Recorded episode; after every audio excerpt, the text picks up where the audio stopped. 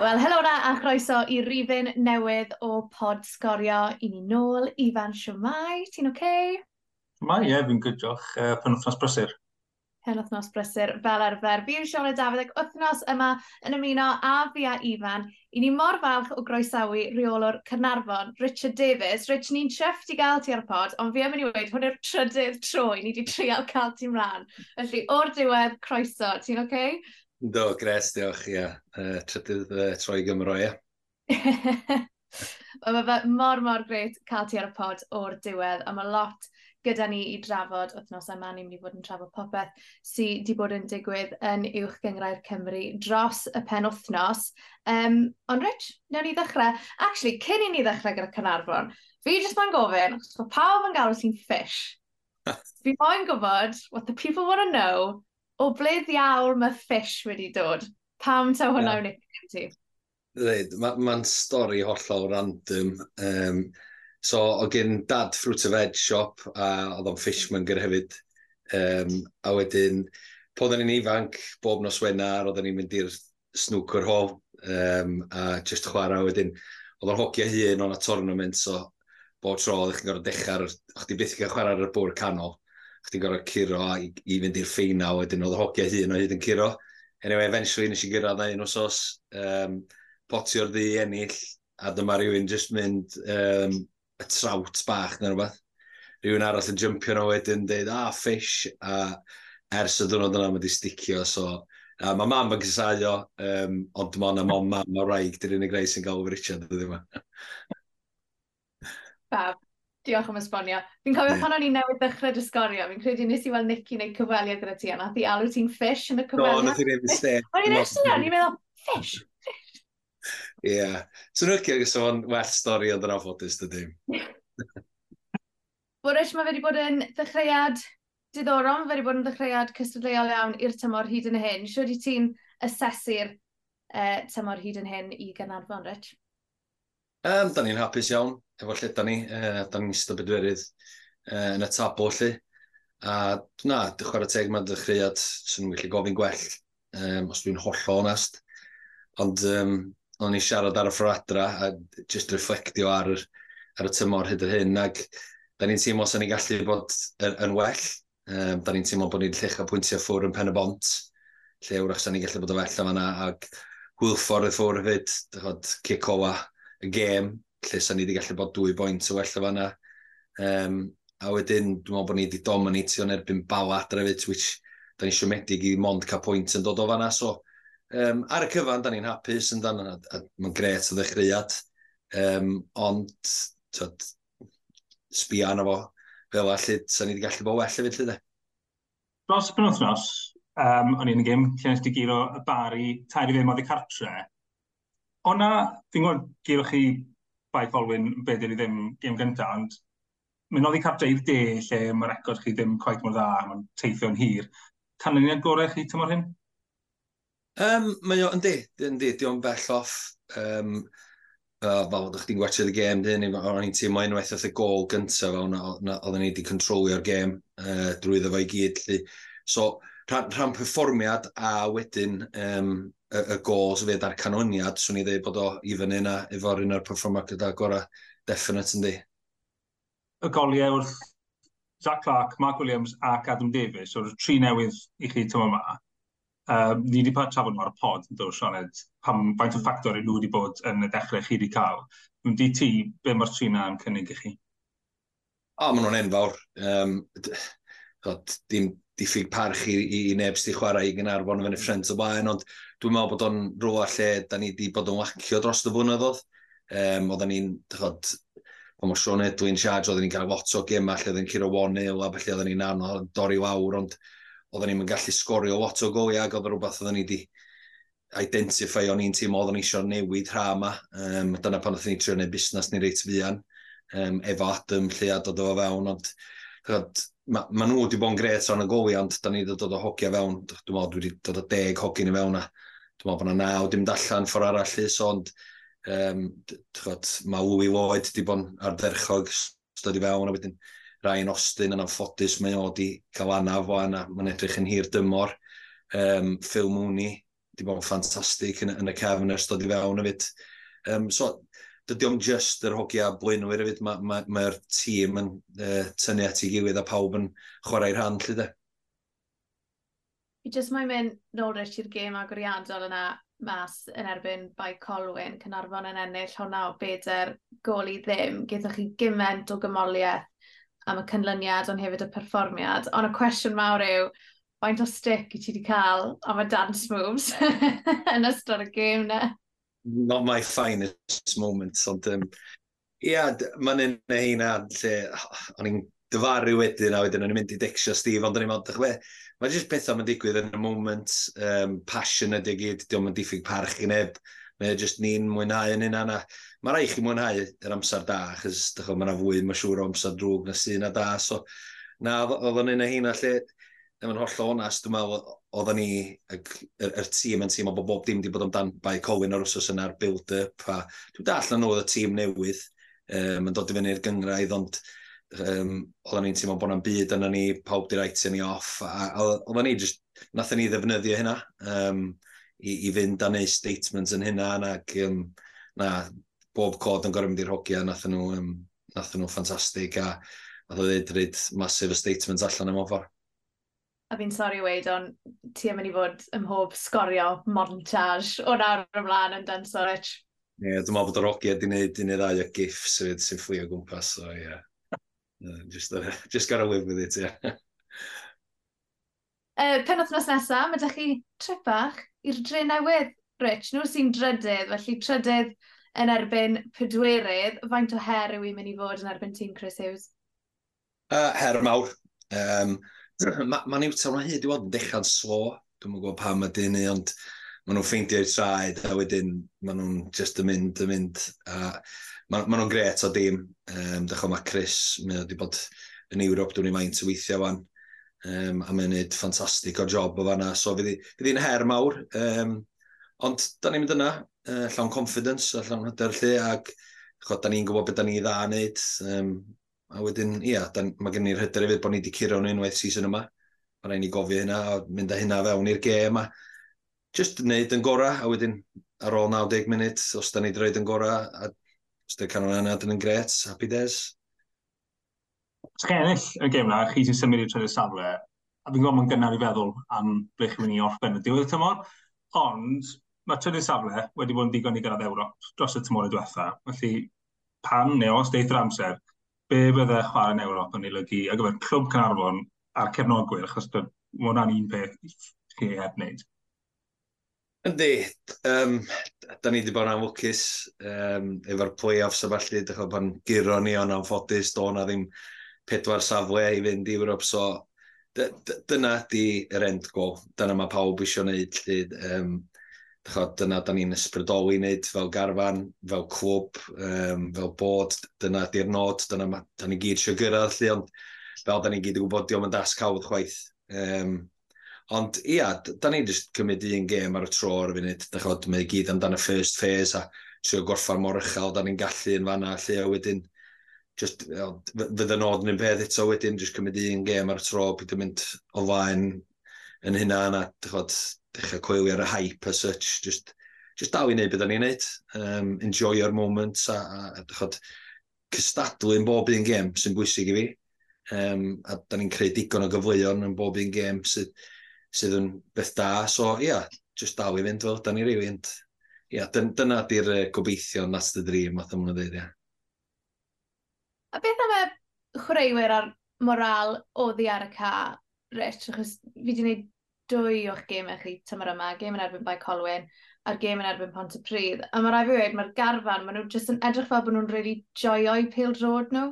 Ar hyn o bryd, faint o ffact fi'n gwybod mae'r canlyniadau a'ch safle chi yn y tabl yn helpu, ond faint o ffactor ti'n credu bod y grŵp yn cael ar eich perfformiadau chi ar, ar canlyniadau chi? Yndi, mae, mae o'n ffactor mawr. Um, Dych chi'n rhywbeth da ni wedi siarad lot amdano fo'n pre-season, oedd oedden ni eisiau roed yr environment iawn i'r players a, a creu culture iawn mewn ffordd ac chod, values ni, oedden ni'n nath ni wneud rhyw workshop bach yna fo, gofyn y players beth ydych chi i gymaru efo beth ydych y clwb a beth ydych management a be o disgwyliadau ni, a wedyn o, o pawb o weld yn mynd yn yr un un direction lle, so o, o hwnna ddechreuad da, wedyn ia, mae ma amdan dod ar cymeriadau iawn, a cael cymeriadau iawn uh, yn y dressing room hefyd, a wedyn, dechod, mae Mark Williams yn, yn, yn y siampl, oedd o'n mynd rhywun oedden ni'n meddwl fysa'n interested, oedden ni wedi trio bod ar ôl Mark o blaen, um, gyda fo commitments eraill, which oedd o'n oedd o'n galluogi fo i seinio ni, a wedyn efo sefyllfa Llandudno yn digwydd, dyma ni'n mynd yn ôl fewn amdano ac oedd o weld yn cyn ac o bethau di newid iddo adra. So, ia, yeah, Mark Williams yn example berffaith, rhywun dod i fewn, uh, holl brofiad gen o experience, a wedyn mae mae o'n garacter, um, wedyn gennych chi'r cheeky chappies yn Louis Lloyd a Ryan Austin o hogiau ifanc, um, sydd wedi bod mewn clwb proffesiynol, So maen nhw'n dod rynnu efo'r pranks mae i gyd a hyn a llall. A wedyn, mae gennych chi Zach Adam wedyn. Um, mae ma nhw'n dim bach o gymeriadau fyd gan bod nhw'n centre forward. sy. Ond mae ma, nhw'n grŵp o hogia da lli a isio wneud y ddau gilydd. A un beth da ni'n enfawr a di neu siŵr na'r tîm sy'n dod gyntaf. Um, a wedyn, os di pawb yn prynu fewn i'r un y gwerthoedd yna, um, mae ma roi chans i chi a wedyn amlwg mae Ciro Games a canwnad y dan, codi momentum fyd a dwi'n meddwl nod a beth pwysicau i fi oedd o'n i'n gweld bod yna disconnect i digwydd rhwng y clwb, y fans, y players a, a bod dim. Dwi'n cofio, dwi'n meddwl un o'r gema dwytha, season dwytha, um, oedd, ne, dim, cyn i fi gymryd y swyll, oedd fans yn bwyan ac o hynna'n brifo. Um, yr holl amser dwi wedi bod yn gynarfon o'n i rioed i gweld hynna, achos maen nhw'n gymaint to i'r tîm, ond dwi'n meddwl nhw'n just gweld bod nhw'n marhoi bob dim i'r Cris, so Oedd hynna'n negas hyn fawr oedden ni'n trio roi drosodd i fyddi, os da chi'n rhoi bob dim, wneith nhw'n gwapio chi a mae wir oedd ni'n golli TNS drwy'n maen ac yn o dros gan tan ar, swn i ddim sefyll yn copio, jyst yn gwybod bod ni wedi rhaid yr, yr effort i fewn wedyn. Um, a, a, dyna dwi o hyd y ddeud, os, os di ability'n gadael ni wawr, da ni'n meindio, ond os di o rhywbeth bod yr efforts neu'r desire ddim yna, a deg yna da ni'n cwestiynu'r pwy asli. Ti wedi bod, fel ti'n gweud, gyda'r clwb ers hirach na jyst y, y cyfnod yma fel prif reolwr, falle i bobl sydd ddim yn gefnogwr Cynarfon a sydd ddim mor gyfarwydd, sio nath dy gysylltiad i gyda'r clwb dechrau yn lle cyntaf, a, a sawl rheolwr ti wedi gweithio gyda yn Cynarfon? So, o'n i'n penrhyndeudraeth fel rheolwr, um, ac o'n i wedi bod o fanna am chwe mlynedd, a wedyn o'n i wedi mynd ar clwb mor bell, o'n i'n gallu rhan facilities y basu, o'n i'n gallu mynd yn curo bob un wig a falle wedi gwneud y dda fanna, wedyn um, oedd Iwan Williams yn reolwr uh, yn Gynarfon. Oedd Gareth Parry ar y pryd yn is rowr iddo fo, ac oedd o'n gorfod mynd i gair dydd i weithio. So oedd o'n edrych am assistant, a wedyn nath o ffonio fi, a wedyn o'n i'n siŵr be i wneud, achos o'n eisiau bod yn reolwr lle, ond o'n i'n meddwl bod o'n step i fyny, fes o'n i'n swn byth yn gallu gwrthod cwb mawr fel Gynarfon a falle, um, a stepio fyny yn y gynraedd lle, a wedyn ia, so dyna, dyna sy'n nath oedd y gwmpas, so wedyn nes i weithio dan Iwan, a dyma Iwan, um, o'n i fo Iwan am dwy flynedd. Dyma ni ddim yn cyrra fo y flwyddyn gyntaf, ail flwyddyn dyma ni bron iawn y cyrra fo, a wedyn dyma Sean Edwin dod fewn. Dyma Iwan yn cael cynnig yn Llandudno, so nath o adael Sean do fewn. Um, a wedyn Sean neu ffantastig y job. A wedyn nath bicus staff ddod i fewn tro gynta, hyw yr ail dro. Um, a wedyn dwi'n meddwl nath Sean just penderfynu allan dit no eto digwydd bod dod i fewn am Sean. Um, ac oedd o'n teimlo bod o eisiau change a falle gosach chi adra dwi'n meddwl. Um, a wedyn, so ia, dwi wedi gweithio dan Iwan, Sean a Hugh lli. So digon o brofiad rhwng y dri nhw. A faint i ti'n joio Rich fel the main man yng Nghynarfon? Ynddo, dwi wrth y modd ar y funud, beth am mynd reit da allu. Um, mae ma gan anfon enfawr y clwb a mae'n expectation yna gan y fan. So ar y degad, ydych chi yn colli cwsg dim bach a ti'n mor, dim o'r pressure a felly. Ond um, na, ar y funud, dwi rili enjoy'r uh, profiad a, a, a bod yr number one fel ti Sean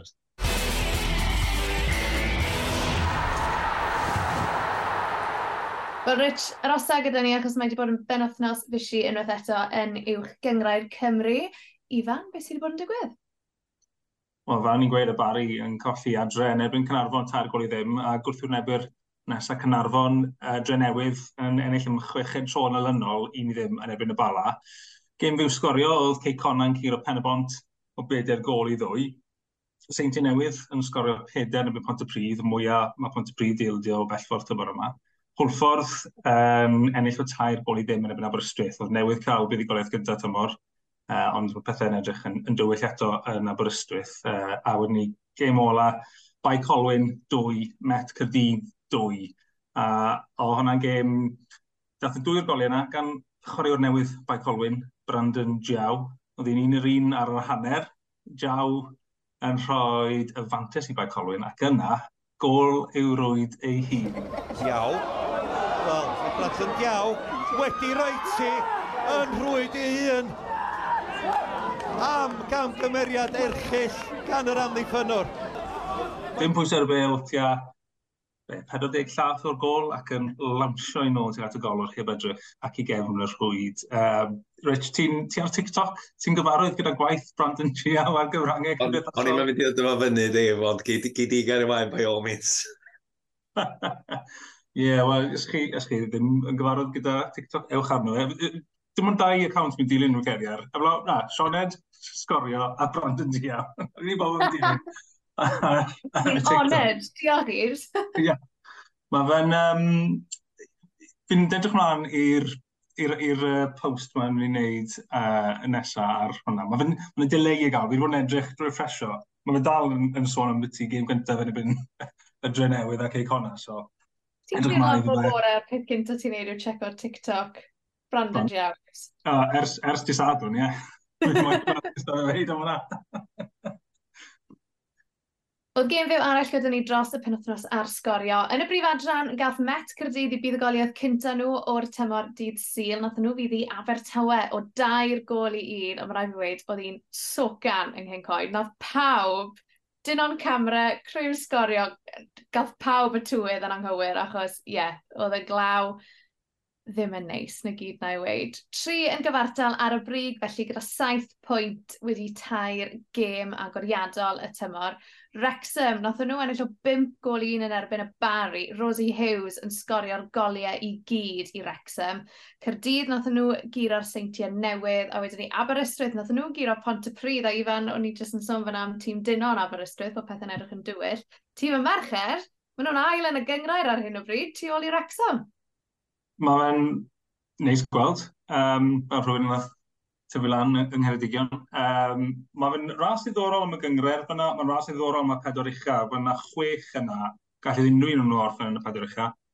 Um, a byddwn ni'n meddwl bod mae yna rhyw 2 neu 3 gallu fod yn, yn mynd am y gyngred hefyd a sy'n neis gweld. Tyd. Um, mae ma fe'n ras cyngred sydd ddim yn digwydd yn y uh, Cymru, yn y, yn y Cymru Prem, so na, neis gweld hynna. Um, ie, yeah, edrych mlaen sy'n mynd i ddatblygu am, am yr wythnosau nesaf. Oedd hi'n byn wythnos y clws pan wythnos yma, so ni moyn pigo mas rhai canlyniadau na dal sylw fi. Uh, Cyrffili yn ceiro cwrs olyn o deg gol i ddim.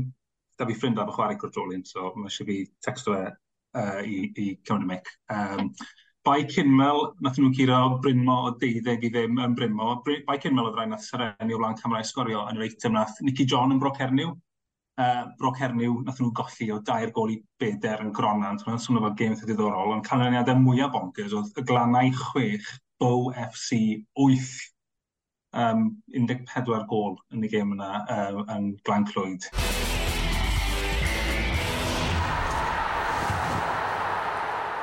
Wel, Rich, ni'n mynd i orffen y pod ar nodyn positif yn trafod dy hoff glwb di, Everton. Uh, siwr i ti'n tymlo ar hyn o bryd, achos mae rai fi wedi, o'n i'n meddwl o tymor diwetha'n wael, ond hw hw, mae tymor un, ie, yeah, pethau ddim yn mynd yn dda o gwbl. Na, sam, uh, sam llawer o bethau positif yn dyma siwrnod mynd ar saff yn Everton ar y funud. Um, na, mae, mae siampls o topi gwylod na'n di.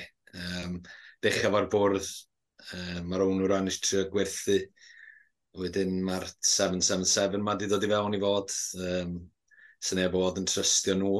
Um, Ond ar y cae wedyn, dychod, da ni'n meddwl bod ni'n dechrau troi'r gornol, dau fydd gol a wedyn mynd a colli rhoi bilgoedd gynta Wooten iddyn nhw adra, which sydd yn absolute disaster, achos dwi'n just gobeithio fyna dri tîm gwaith na ni. Um, dwi'n gob... Dwi'n meddwl fi yna, os dwi'n holl onast. Um, ond nef yn holl onast, dydw i ddim yn siŵr os na Sean Dice di dyn i gael ymlaen. Wel, hwnna... Dwi'n dweud hynny, chos dwi'n licio lladd ar rheolwyr eraill, efo lle dwi'n dall be maen nhw'n mynd trwy. A mae gen fo dasg anodd, ond oh, dwi'n mwyn gwybod. Wel, hwnna oedd cwestiwn nesaf fi, actually. Yw ti'n credu taw Sean Dyche yw'r person? Os taw nid fe yw'r person, pwy fydde ti'n licio gweld yn dod mewn? Wel, dyna di'r cwestiwn fydden ni oedd yn cael y debet. Uh, di pwy sy'n dod i fewn, pwy sy'n eisiau dod i Everton.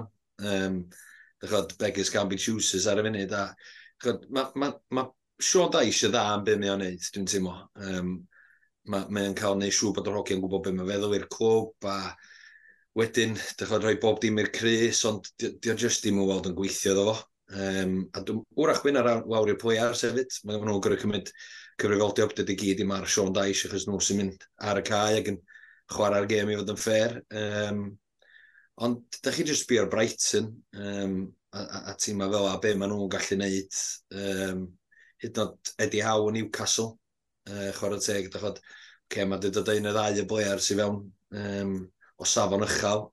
Da ni'n gallu dod o neb i fewn yn amlwg gyrfydd yr fair play. A, dwi'n dall yn 100% os dwi'n holl onast. Um, so, ia, yeah, dwi'n gwybod be di'r dyfodol. Um, i, i Everton, just gobeithio aros yn y gynradd, achos allan ni'n mynd i'r cae newydd ac yn chwarae championship, so just an absolute disaster. So. Ni wedi sôn am nicknames, mae thing di dechrau'n tîlu fi, fe mae pawb di dechrau gael o fi'n Sean Dyche, achos bod e'n sŵr o bach, mae Sean a David am Anderson, so mae fe kind of di sticko. So Sean Dyche ddim yn nickname o'n i'n disgwyl uh, mabwysiadu o gwbl. Chi'n wario Bournemouth, di Sadwrn, maen nhw un safle uh, yn is na chi yn y gyngrair mae rai bod chi'n ennill hwnna, Rich.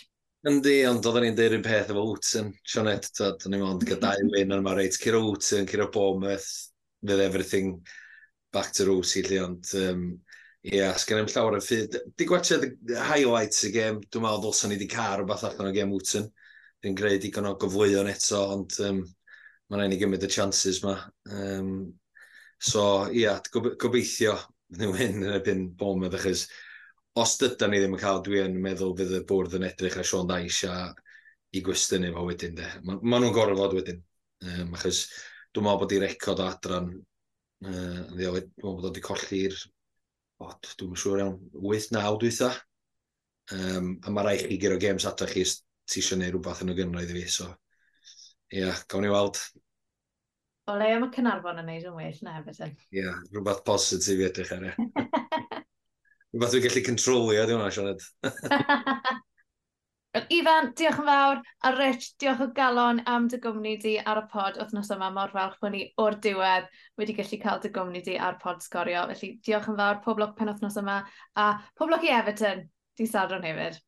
Gwer iawn, diolch am y gwadd a diolch yn falch bod ni wedi cael yr uh, sgwrs yn diwedd. Eh?